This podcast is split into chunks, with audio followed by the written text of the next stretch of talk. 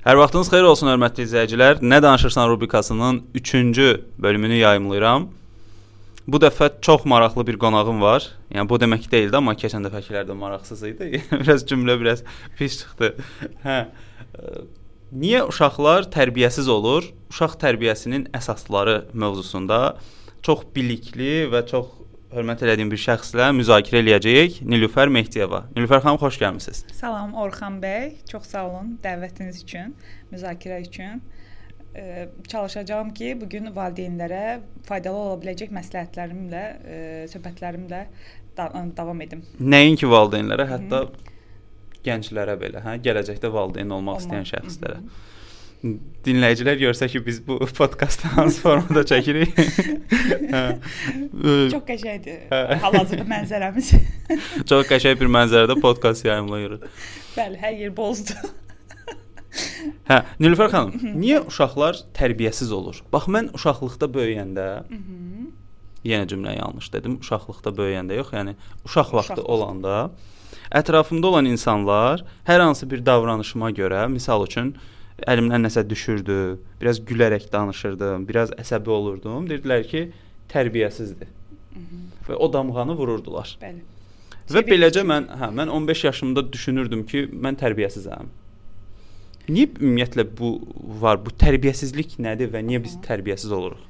Demək belə Orxan müəllim, sizin o yaşlıların tərbiyəsiz adlandırdıqları davranışlar o tərbiyəsiz adlandırdıqları davranışlar bəlkə də əslində ən tərbiyəli davranışlardır. Bəlkə də yəni sizə görə doğru davranışlardır. Bu tərbiyə məsələsi elədir ki, yəni sizə görə tərbiyəli olan davranışlar onlara görə tərbiyəsizdir, onlara görə tərbiyəsiz olan davranışlar sizə görə tərbiyəlidir. Bu tərbiyə belə fərdi məsələdir də.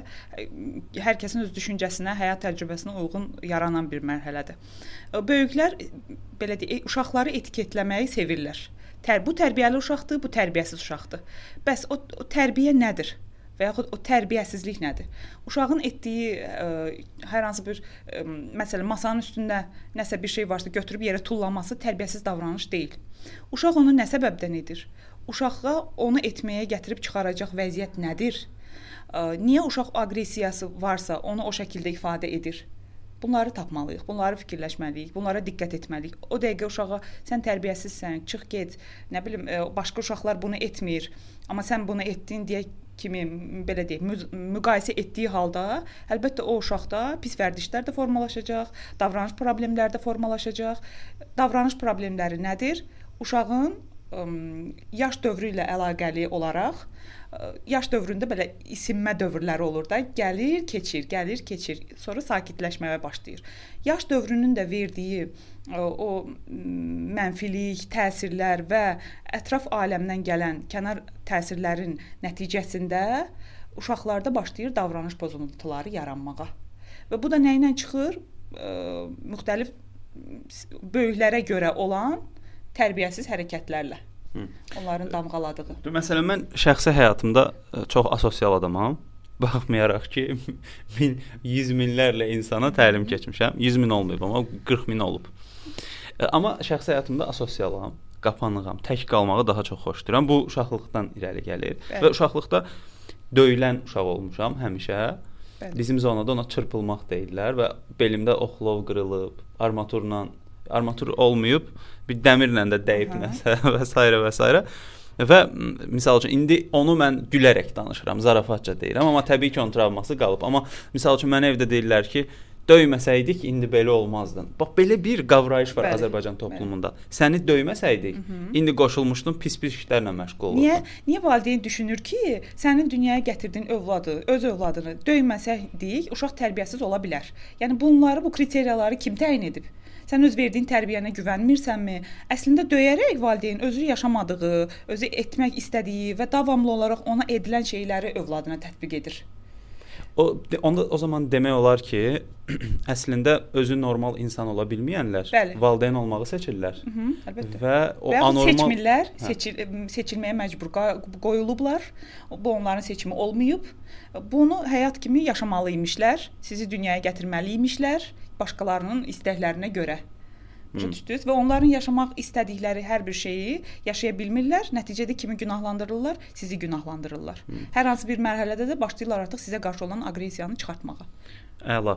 E, mən həmişə deyirəm, dünyaya övlad gətirmək şuurlu fəaliyyətdir Mütləq. və e, hamı dünyaya övlad gətirməlidir deyə bir şey yoxdur. Yox, elə bir şey. Və e, insanın o nəsil artırma instinktindən irəli gələrək dünyaya övlad gətirmək olmaz. Məsələn, keçmişdə necə idi? Oğlum Hı -hı. olsun, nəslim davam eləsin. Bəli.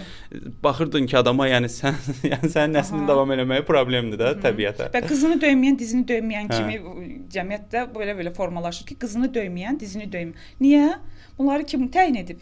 Qız o zaman Lütfə xanım demək olar ki, misal üçün cəmiyyətdə uşaq tərbiyəsi ilə bağlı akademiklikdən çox mental fikirlər daha çox. Bəli, mental fikirlər, adət-ənənələr, əşi keçmişdə analarımız, atalarımız belə eləmirdi ki, bu gənc nəsil nə bilir ki, gənc nəsil e, özlərindən nə bilim təzəlliklər, nə yeniliklər çıxarıblar. Nə vaxta qədər o köhnə sistemlə gedəcəyik? Nə vaxta qədər o qəlbləşmiş fikirlərlə davam eləyəcəyik ki?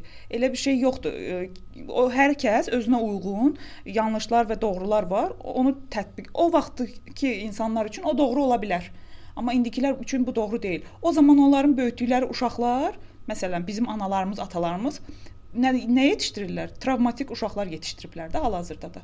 İdeal nə var? Heç bir şey. Tənha-tənha insanlar. Görünən hə gülücüklü, ətrafa gülüş, amma əslində daxili tənha insanlar. Uğurlu ailəsi olmayan insanlar. Bəli. Və yaxud uğurlu ailəsi var, kiməsə görə uğurlu ailəsi var. Hmm. Amma daxilində tənha insanlardır bunlar hamısı. Yəni əslində bilmədən o şeydə cinayət məcəlləsində səhv eləmirəmsə ehtiyatsızlıqdan ə, e, xəsarət yetirmə. Aha. Bilmədən bizə ehtiyatsızlıqdan Bəli. xəsarət yetirirlər. Yetiriblər. Bəlkə də çox zamanda bilərəkdən edirlər. Hı. Yəni uşağın hər hansı bir e, tutalım ə, e, nə bilim, kimisə yanında uşağın burnunu qurdalaması, uşağı tərbiyəsiz damğası vururlar. Kimisə yanında uşaq rahat ayağını uzadıb o, oturub divanda uzanıbsa, uşağa tərbiyəsiz damğası. Yəni tərbiyəsiz davranışlar deyil bunlar. Hər şeyi danışaraq uşağın etmə, etmə, etmə deməklə olmur. Keçən dəfə belə bir hadisə oldu. Sahillə gedirəm. Parkın kənarında bir xanımdır, bir bəydir, bir də uşaqları var. Uşaq da əlində nəsə belə yoğurt kimi nəsə yeyir. Keçəndə birdən uşaq belə atdı mənim üstümə, töküldü Hı. şalvara. Aha. Şalvara töküləndə anası uşağın üzünə bir şillə vurdu ki, Aha. uşaq başladı ağlamağa. Mən də belə dondum qaldım biraz. Yaxınlaşdım uşağa ki, narahat olma, mənim şalvarım onsuz da ləkə keçirmir. Siləcəm, gedəcək. Bax, Aha. gedir. Belə elədim, valideynlərə amma heç nə demədim. Uşağımı ağlamağını kəsmədi də. Aha. Belə bunlar da mənim üzümə baxdı və üzlərinə və baxdım ki, yəni belə eləməyin də. E, keçdim, Əlbəttə. getdim belə bir şey. Necə indi o onun beynində avtomatik travma Əlbəttə, kimi qaldı. Şillərin vurduğu kimin yanında? Ətrafda hamı gördü, küçədə gördü, siz gördünüz, şillə vurdu, nə bilim pis hiss etdi özünü. Bu yanlışdır. Hı. Kökündən yanlışdır. Etmək olmaz və, və bunu sakit yolla izah etmək olar uşağa. Uşaq da böyüyüb asosial olanda deyəcəklər ki, getdi, oxşadı. Atası deyəcəkdi, anan tərəfə oxşayırsan, anası deyəcək atan tərəfə. Dayılarını oxşadın, bibilərini oxşadın, əm əmilərini oxşadın. Etiketləyirik uşaqları və salam davam eləyirik də elə. Nilfər xanım, onda demək olar ki, hər şey əslində valideyndən asılıdır. Hər şey. Hər yəni, şey kökü valideyndir və cəmiyyətdən də asılıdır valideyn, amma əsas olaraq valideyndən başlayır hər bir şey. Hə. Uşaq çünki etibarlı, güvənli bağı atası və anası ilə qurur, ilk olaraq anası ilə qurur. Hı. Onu qura bilmirsə, ana düzgün tərbiyə qoya bilmirsə, ə, demək tərbiyə deyəndə, yəni doğru davranışlara yönəldə bilmirsə uşağı, uşaq da nə edir? Böyüdükcə cəmiyyətə zərərli bir fərd olaraq yetişir. Məsələn, Mən... indi küçədə heç kəsə yanlışlıqla toxuna bilmərsiniz. Üzr istəsəz belə, sən dəlisən, nə edirsən, çıxdın ayağımın üstünə, nə bilim itələdin, keçdin, psixopat adamlarla dolu, aqressiv adamlarla dolu daşır hər yer. Hamısı kökdən, uşaqlıqdan gələn travmatik insanlardır da. Mənim bir yaxın tanışım var, çox yaxındır, amma demirəm kimdir. O həmişə deyir ki, insan deyir qanından gəlir ilk dəfə yəni qandan insan xarakterini ölçən adamdır da o. Hı -hı. Ə, həyatında da bir rəsmi 4, qeyri-rəsmi də bir 20-dən çox qadın olub ə, və bu adam şey verir. Təlim. Türklər deyir ahkam kesir. Aha. Hamı xoşuna gəlməyən adam olanda deyir qanı belədir, qanı xarabdır və s. Sanki adam elə bir rentgendə cəmaatın qanını ölçür də. Və o sözü keçən kimi adam kimi də qəbul olunur o və ona görə o tipdə adam gələcək nəsillərə də ziyan vura bilər. Hı Məsələ bax budur. Nilfər xanım, qısa olaraq valideynlər uşaqları ilə münasibətdə nə etməlidirlər? Nə tövsiyə eləyə bilərsiniz son olaraq? Səbirli olmalıdırlar. Bilirəm, sosial problemlər çoxdur, iş, güc və s. amma nəzərə alın ki, siz canlı yetişdirirsiniz, robot yetişdirmirsiniz. İnsan yetişdirirsiniz gələcəyi üçün. Yəni bəli. əgər sosial problemi düşünürdünsə, niyə dünyaya bəli, gətirirdin? Bəli, bəli, niyə dünyaya gətirirdiniz? Yəni fikirləşməyin ki, kimsə bizə ətrafdan təzyiq təzyiq edir ki, övlad dünyaya gətirməlisiniz. Siz bunun məsuliyyətini dərk edin, sonra dünyaya uşaq gətirin ki, siz bir canlı yetişdirirsiniz. Buna hazır edin, hiss edin özünüzü. Uşaq dünyaya gətirmisinizsə, burada artıq məcbursunuz səbirli olmağa, ona həyatın ə, qayda qanunlarını başa salmağa, səbir göstərərək onu cəmiyyətə qazandırmağa çalışmalısınız. Belə. Belə. Ə, ümid eləyirəm ki, faydalı oldu. Sizə necə oldu? Çox yaxşı. Linçləyəcəklər sizə ki, yox. Yəni açıq fikirli, yəni açığıq linçlənməyə də, hər şeyə də. yəni əsas məsələ tərbiyə prosesində ki, mən düşünürəm tərbiyə təkcə uşaqda yox, ümumiyyətlə ömrümüzün sonuna qədər biz tərbiyə prosesini keçirik. Həyatımız boyunca. Hə. İmmanuel Kantın bununla bağlı pedaqogika kitabı var. Orada çox maraqlı məlumatlar verir tərbiyə ilə bağlı. Belə ümid eləyirəm ki, övladlarınız sağlam olar və cəmiyyətdə sağlam insanlar yetişmiş olar. Amma əvvəlcə özünüzü də yaxşı yetişdirməyi unutmayın. Çox sağ olun Nilüfər xanım, təşəkkür edirəm. Buyurun. Dinlədiyiniz üçün də təşəkkürlər. Növbəti podkastlarda görüşərik. Hələlik.